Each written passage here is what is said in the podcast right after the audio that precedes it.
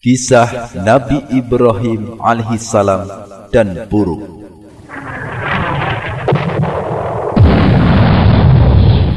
Anak-anakku sekalian, semoga Allah menjadikan kalian anak-anak yang soleh dan yang solehah.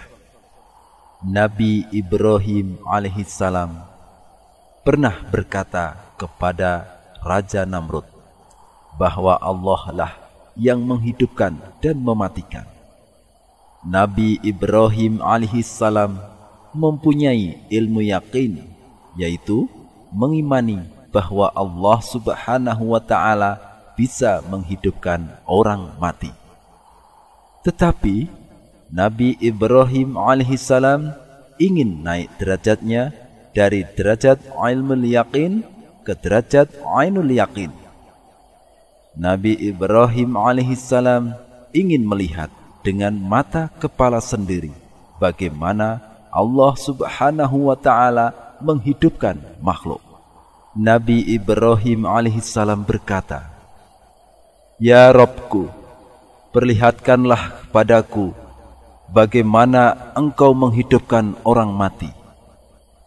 Allah Subhanahu wa taala berfirman, Belum yakinkah kamu?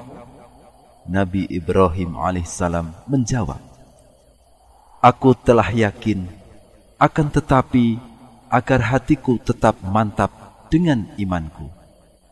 Allah subhanahu wa ta'ala berfirman, Kalau demikian, ambillah empat ekor burung, lalu cincanglah semuanya olehmu.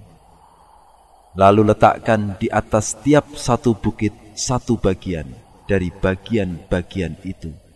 Kemudian panggillah mereka niscaya mereka datang kepadamu dengan segera. Ibnu Abbas radhiyallahu anhuma menceritakan Kemudian Nabi Ibrahim alaihissalam mengikat empat burung dan menyembelihnya. Setelah itu beliau memotong-motongnya. Beliau juga mencabuti bulu-bulunya. Nabi Ibrahim alaihissalam juga mengoyak-oyak burung-burung itu kemudian mencampur adukkannya dan membaginya menjadi beberapa bagian. Kemudian meletakkan satu bagian di satu bukit. Ibnu Abbas radhiyallahu anhuma juga menceritakan. Kemudian Nabi Ibrahim alaihissalam memegang bagian kepala burung-burung yang telah dicincang itu. Lalu Allah Subhanahu wa taala memerintahkan kepada Nabi Ibrahim alaihissalam untuk memanggil burung-burung itu. Beliau pun melakukan yang diperintahkan Allah Subhanahu wa taala. Beliau melihat bulu-bulu burung-burung itu berterbangan berkumpul dengan bulu yang sejenis. Darah terbang ke darah yang sejenis. Demikian juga daging. Beliau juga melihat bagaimana setiap bagian bersambung dengan bagian lain sampai setiap burung berdiri di atas bagiannya mendatangi beliau dengan berjalan cepat. Allah Subhanahu wa taala ingin menunjukkan kepada Nabi Ibrahim alaihissalam sesuai permintaan. Setiap burung datang mengambil kepalanya yang ada di tangan Nabi Ibrahim alaihissalam. Jika burung itu diberi kepala yang tidak sesuai, burung itu tidak mau. Jika diberi kepalanya, maka kepala itu tersusun dengan anggota tubuh yang lain sesuai dengan kehendak Allah Subhanahu wa taala dan kekuatannya. Sesungguhnya Allah Maha Perkasa, tidak dikalahkan oleh sesuatu apa pun, tidak bisa dihalangi oleh sesuatu pun. Apa yang Allah Subhanahu wa taala kehendaki pasti terjadi tanpa ada yang menghalangi. Karena Allah Maha Kuasa untuk memaksa segala sesuatu. Simaklah kisah seorang nabi yang dimakan ikan. Namun, nabi tersebut selamat dan ikan itu tidak mau mengunyah dan meremukkan tubuhnya. Bahkan, nabi tersebut bisa sholat di dalam perut ikan. Subhanallah, bagaimana ya kisahnya? Ikuti dalam kisah ke-12 dengan judul Kisah Nabi Yunus alaihissalam dimakan ikan. Anak-anakku sekalian, semoga Allah merahmati kalian semuanya. Nabi Yunus alaihissalam diutus Allah subhanahu wa ta'ala kepada penduduk negeri Nainawa, sebuah negeri yang terletak di Mausil beliau menyeru mereka kepada Allah Subhanahu wa taala. Tetapi mereka enggan dan terus berada dalam kekufuran. Maka Nabi Yunus alaihissalam keluar dari negeri Nainawa sambil mengancam bahwa azab akan turun kepada mereka setelah tiga hari. Ketika azab itu mulai terjadi mereka sadar Nabi Yunus alaihissalam marah dan mengancam mereka. Padahal Nabi itu tidak dusta.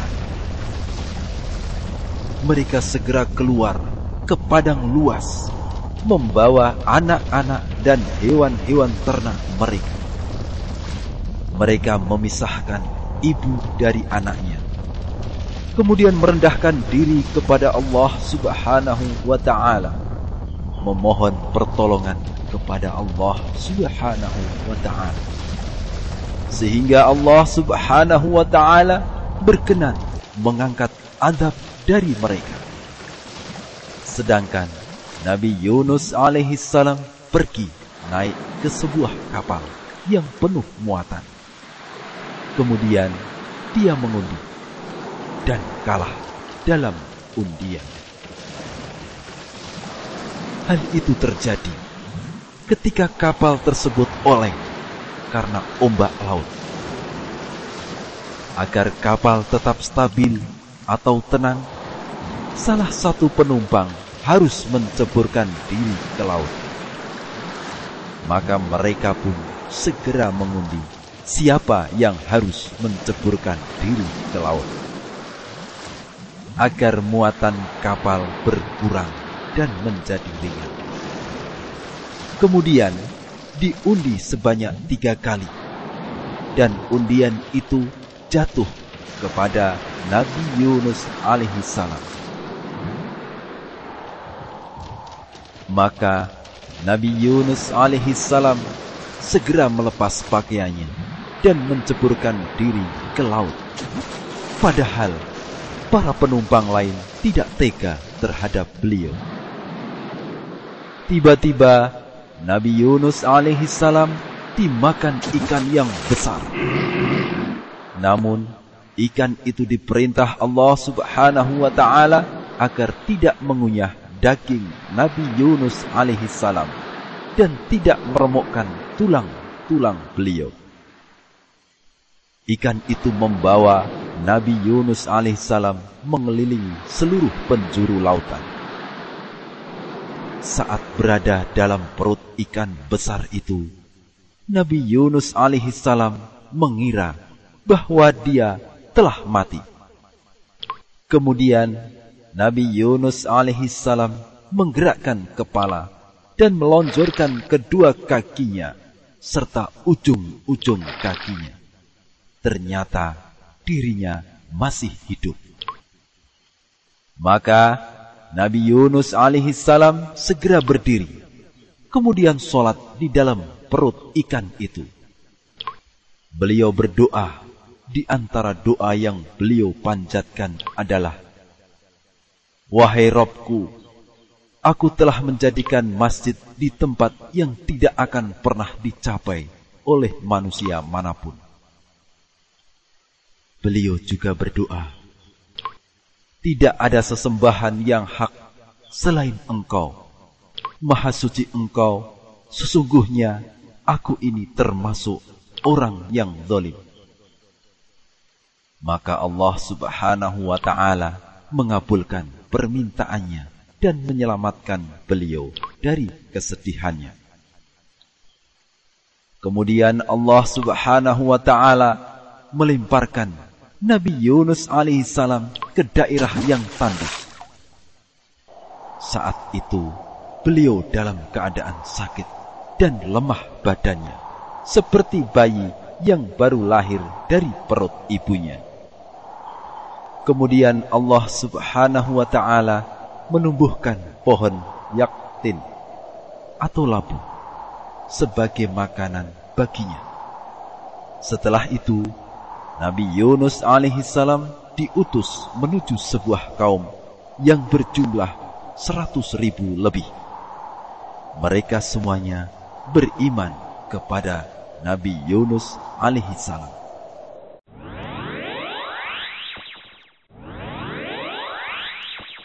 Nah, jadi seru sekali ya kisahnya Nabi Yunus yang dimakan ikan tadi adik-adik. Jadi adik-adik harus tahu di balik kisah Nabi Yunus alaihissalam yang dimakan ikan tadi pasti terkandung faedah-faedah berharga untuk kita semuanya. Karena itu Adik-adik sekalian, simak dengan baik faedah-faedah apa yang ada di dalam kisah Nabi Yunus alaihi salam.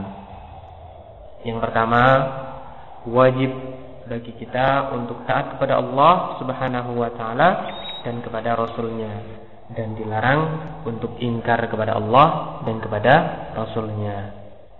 Kemudian, faedah yang kedua, kita harus senantiasa memohon pertolongan kepada Allah Subhanahu wa taala agar dijauhkan dari azab Allah.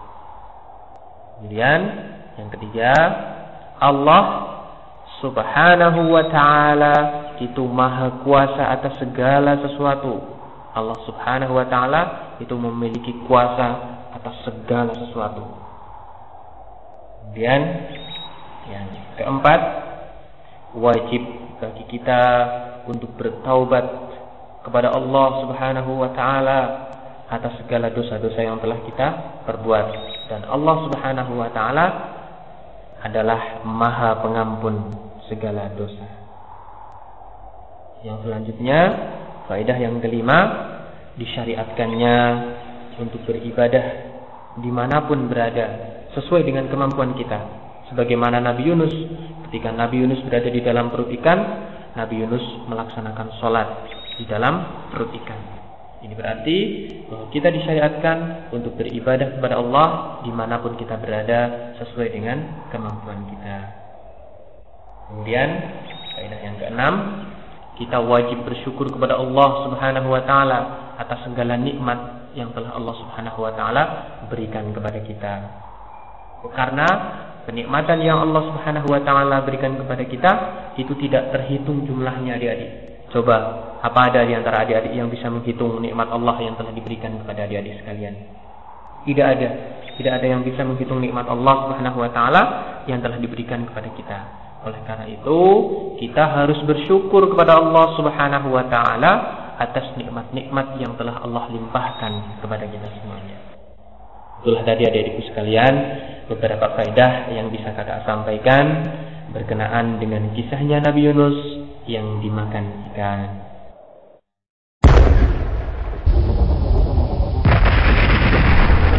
anak-anak, ada orang yang diberikan kekayaan luar biasa oleh Allah Subhanahu wa Ta'ala. Sampai-sampai kunci-kunci simpanan hartanya dipikul oleh sejumlah orang yang kuat-kuat dan diangkut oleh 40 ekor bigol. Tapi ia sombong dan tidak mau bersyukur. Lalu diadab oleh Allah Subhanahu wa taala.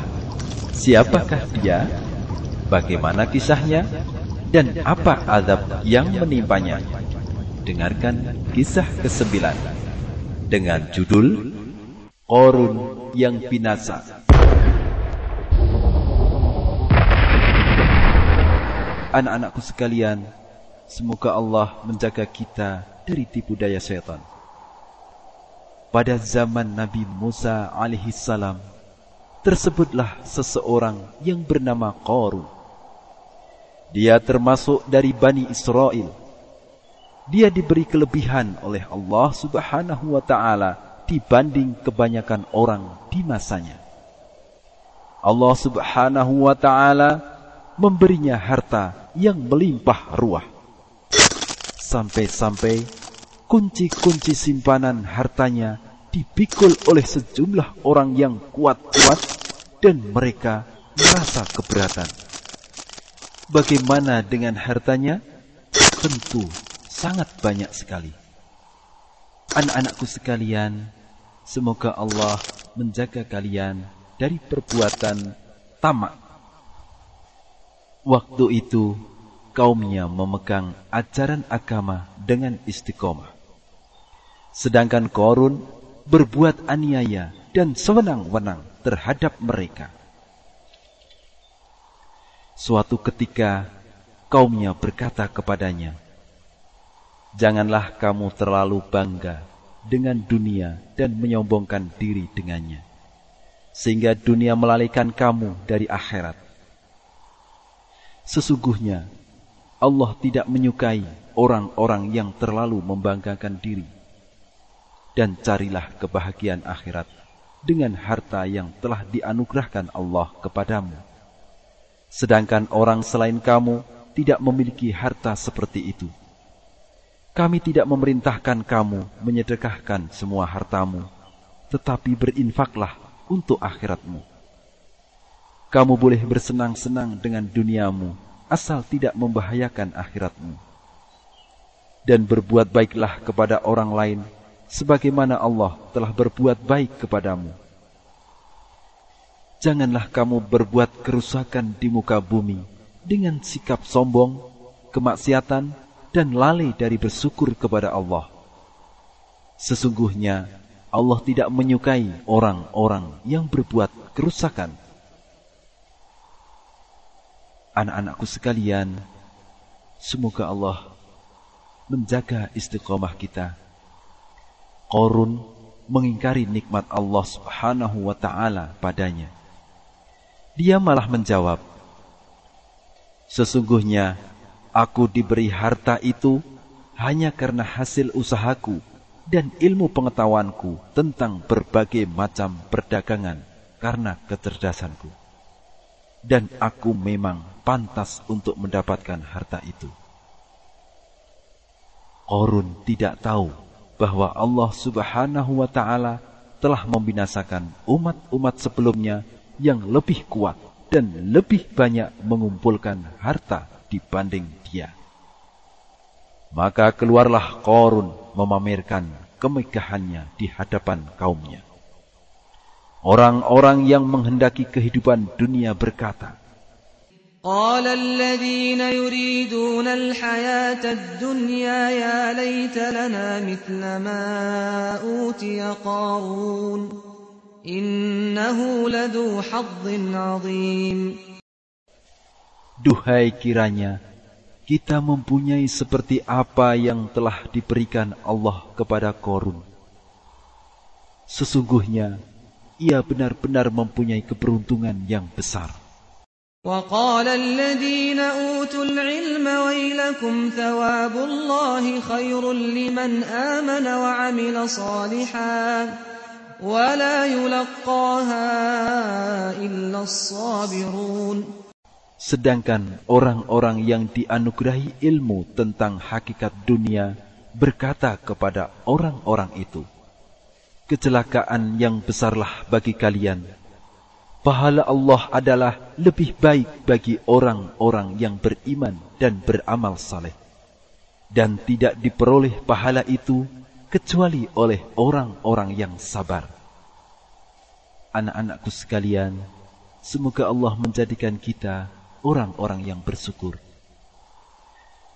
Dulu, Musa alaihissalam berkata kepada Bani Israel, Allah memerintahkan kalian demikian dan demikian. Nabi Musa alaihissalam menyampaikan syariat Allah tentang harta mereka. Hal itu terasa berat bagi Korun. Maka Korun berkata kepada Bani Israel, Sesungguhnya Musa pernah mengatakan bahwa barang siapa berzina, maka dia dirajam. Maka mari kita buat sesuatu pada wanita pezina sampai wanita itu mengatakan, sesungguhnya Musa melakukan zina dengannya sehingga Musa dirajam dan kita bisa beristirahat darinya. Maka mereka kemudian melaksanakan hal itu. Ketika Musa menyampaikan khutbah kepada mereka, mereka berkata kepadanya, Apakah hukum rajam berlaku padamu jika kamu berbuat? Musa menjawab, Ya, jika aku berbuat. Kemudian mereka berkata, Engkau telah berbuat zina. Maka Musa merasa gelisah. Lantas mereka mengirim utusan kepada wanita tadi agar datang. Ketika wanita itu datang, Musa merasa kesusahan. Musa alaihissalam berkata, Demi zat yang membelah lautan untuk Bani Israel, janganlah kamu berkata kecuali jujur. Akhirnya, wanita itu jujur mengakui perbuatannya. Musa pun tersungkur sujud sambil menangis. Lalu Allah Subhanahu wa taala menurunkan wahyu kepada Musa alaihissalam. Aku perintahkan bumi agar mentaatimu. Maka perintahlah bumi tersebut dengan yang kamu kehendaki. Maka Musa alaihissalam memerintahkan bumi untuk menenggelamkan Korun dan orang-orang yang bersamanya. Maka tenggelamlah mereka ke dalam bumi.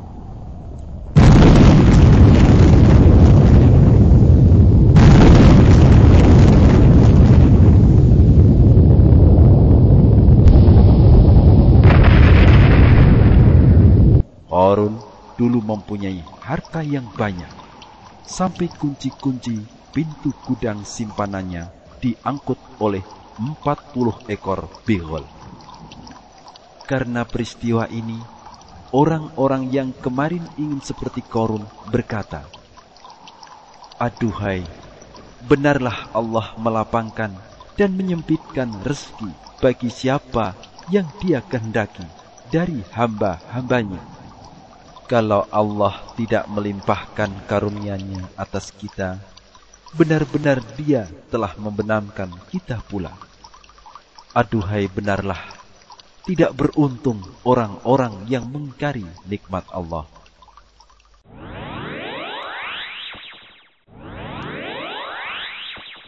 Nah, adik-adikku sekalian yang kakak cintai, setelah adik-adik sekalian tadi mendengarkan kisahnya Korun, Tentu adik-adik ingin tahu faidah-faidah apa, pelajaran-pelajaran apa yang bisa kita ambil, yang bisa kita petik dari kisahnya Korun yang binasa.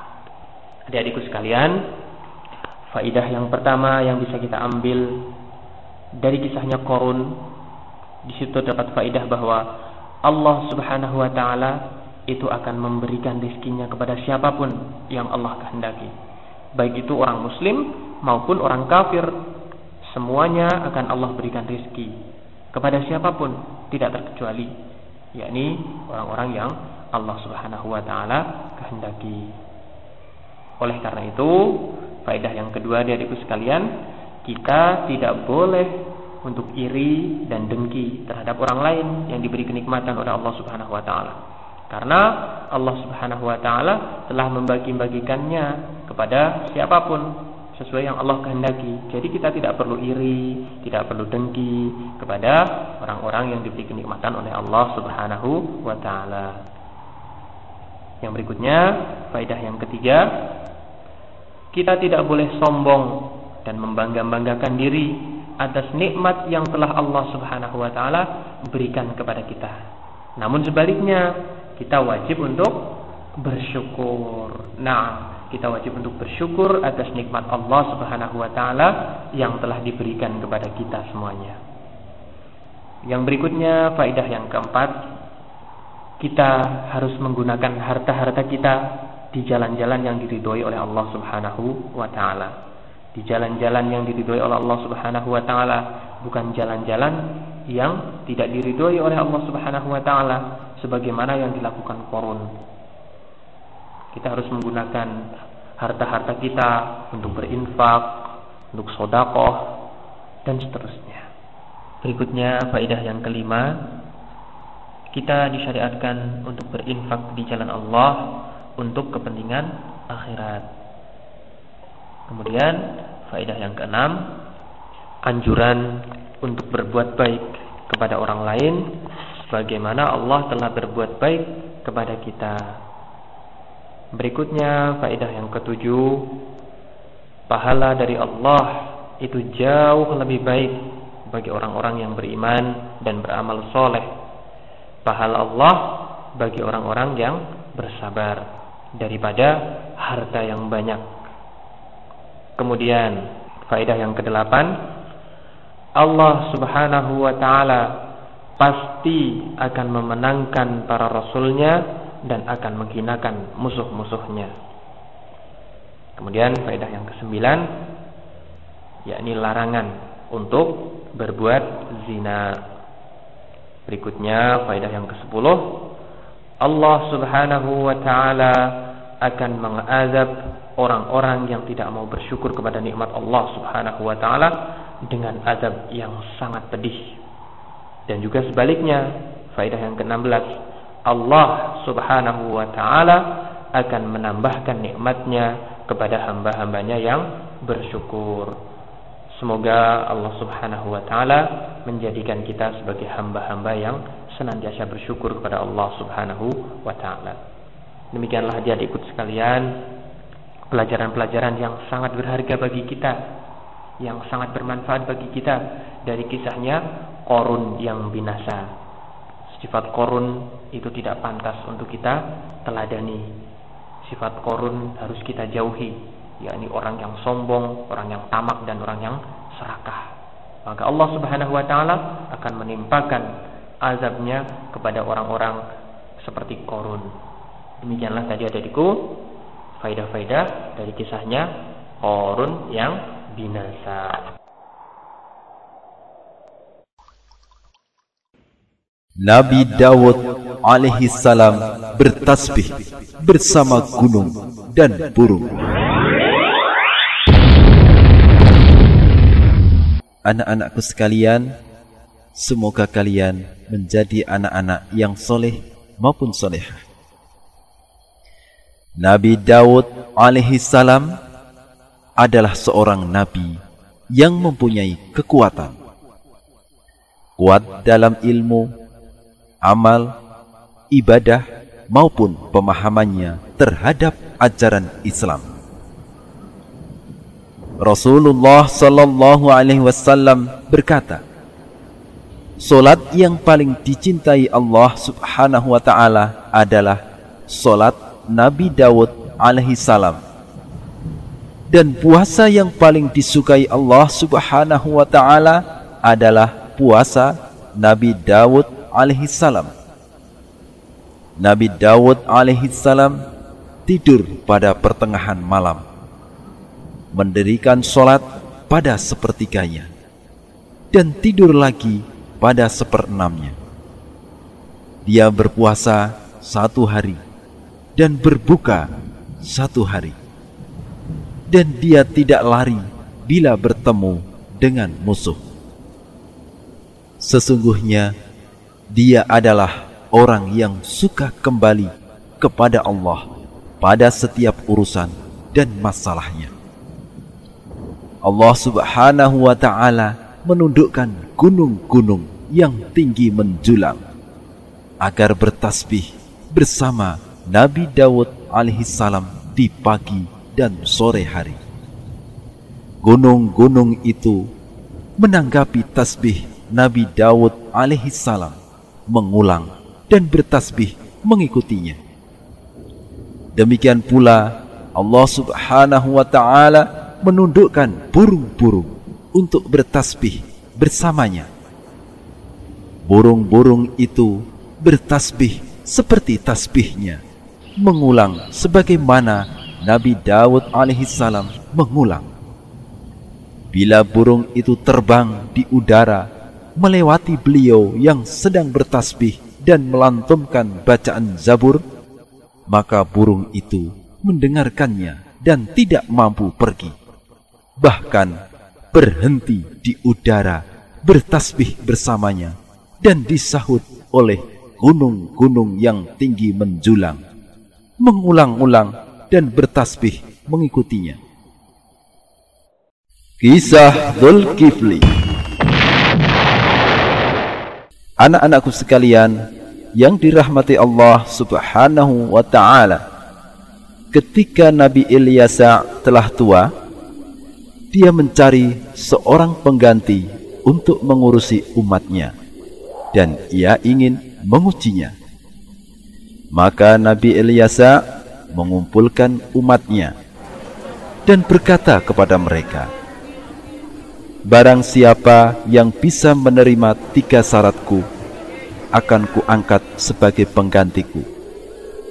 Syaratnya adalah, jika siang hari ia harus puasa, malamnya melakukan sholat malam, dan tidak boleh marah. Anak-anakku sekalian, semoga Allah menjadikan kita orang yang bersabar. Maka berdirilah seseorang yang dipandang hina oleh manusia. Dia berkata, Aku. Nabi Ilyasa berkata, Apa kamu mampu untuk puasa di siang hari, melaksanakan sholat malam, dan tidak marah? Orang itu berkata, Ya. Tetapi Nabi Ilyasa menolaknya. Pada hari yang lain, Nabi Ilyasa mengulangi perkataannya lagi. Tetapi orang-orang terdiam, kecuali orang yang pernah menyanggupinya dulu. Orang itu berdiri dan menjawab, Aku. Maka Nabi Ilyasa menjadikan dia sebagai penggantinya.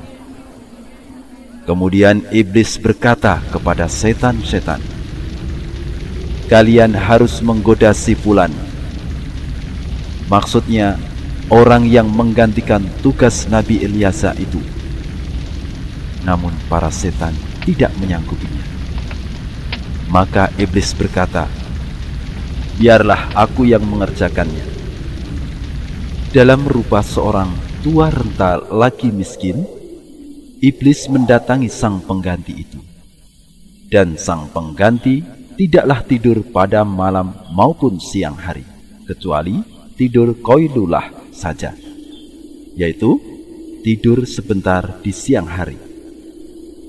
Iblis mendatanginya saat sang pengganti merebahkan diri hendak tidur koilulah. Iblis pun mengetuk pintu. Sang pengganti berkata, Siapa ini? Iblis menjawab dari balik pintu. Seorang yang tua renta lagi terdolimi maka dia berdiri dan membuka pintu. Kemudian iblis yang menyerupai bentuk orang tua renta itu mulai bercerita tentang dirinya. Sesungguhnya telah terjadi pertengkaran antara aku dan kaumku. Mereka mendolimi aku. Mereka berbuat begini dan begitu kepadaku.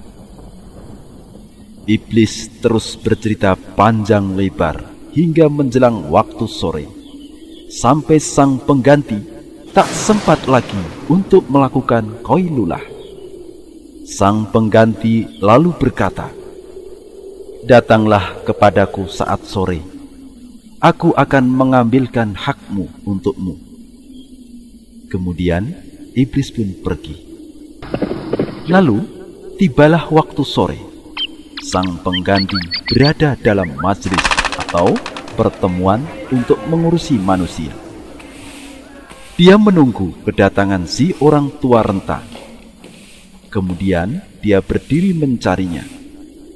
Namun, orang tua renta itu tidak terlihat juga. Esok harinya, sang pengganti sedang menghukumi perkara manusia. Dia menunggu si orang tua, namun tidak melihatnya. Saat pulang hendak istirahat siang dan mulai merebahkan diri, datanglah si orang tua itu dan mengetuk pintu. Sang pengganti bertanya, "Siapa ini?" Orang tua renta yang didolimi, jawabnya. Maka sang pengganti membukakan pintu. Seraya berkata, Bukankah sudah kukatakan padamu, datanglah kepadaku jika aku sedang duduk di majelisku.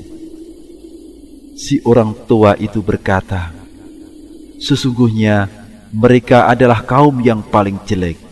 Jika mereka tahu engkau hadir di majelis, maka mereka akan mengatakan, kami telah memberikan hakmu. Namun bila engkau sudah pergi dari majlismu, mereka akan memaksaku. Kemudian sang pengganti berkata, Pergilah, jika telah sore, datanglah kepadaku. Akhirnya, lagi-lagi sang pengganti tak sempat beristirahat atau tidur siang. Kemudian tibalah waktu sore sang pengganti menunggu si orang tua, tetapi dia tidak melihatnya. Kemudian ia merasa berat karena sangat mengantuk. Berkatalah ia kepada sebagian keluarganya, "Jangan biarkan seorang pun mendekati pintu ini sampai aku tidur. Aku telah terbebani oleh rasa kantuk." Waktu itu lagi-lagi datanglah si orang tua. Maka orang yang menjaga rumah berkata, Nanti, nanti, orang tua itu berkata, Aku telah mendatanginya kemarin, dan aku telah menyebutkan urusanku kepadanya. Si penjaga mengatakan, Tidak demi Allah, kami diperintahkan untuk tidak membiarkan seorang pun mendekatinya.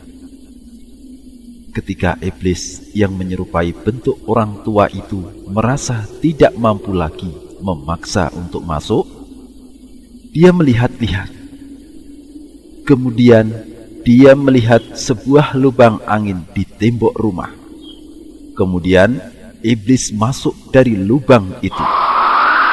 Ketika dia sampai di dalam rumah, dia mengetuk pintu dari dalam rumah. Sehingga sang pengganti pun bangun dan berkata, Wahai Fulan, bukankah aku memerintahkanmu untuk datang sore hari, dan kamu tidak datang? Lihatlah, dari mana kamu masuk? Kemudian sang pengganti bangkit ke arah pintu namun pintu itu terkunci seperti semula. Sedangkan si orang tua itu berada dalam rumah bersamanya. Sehingga taulah dia siapa sebenarnya orang tua itu. Berkata sang pengganti, Apakah kamu musuh Allah? Benar, jawab orang tua itu. Aku merasa tidak mampu untuk menggodamu dengan segala cara.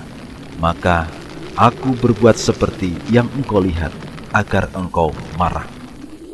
Maka Allah subhanahu wa ta'ala menyebut orang itu Zulkifli karena dia menanggung urusan manusia dan sanggup menunaikannya.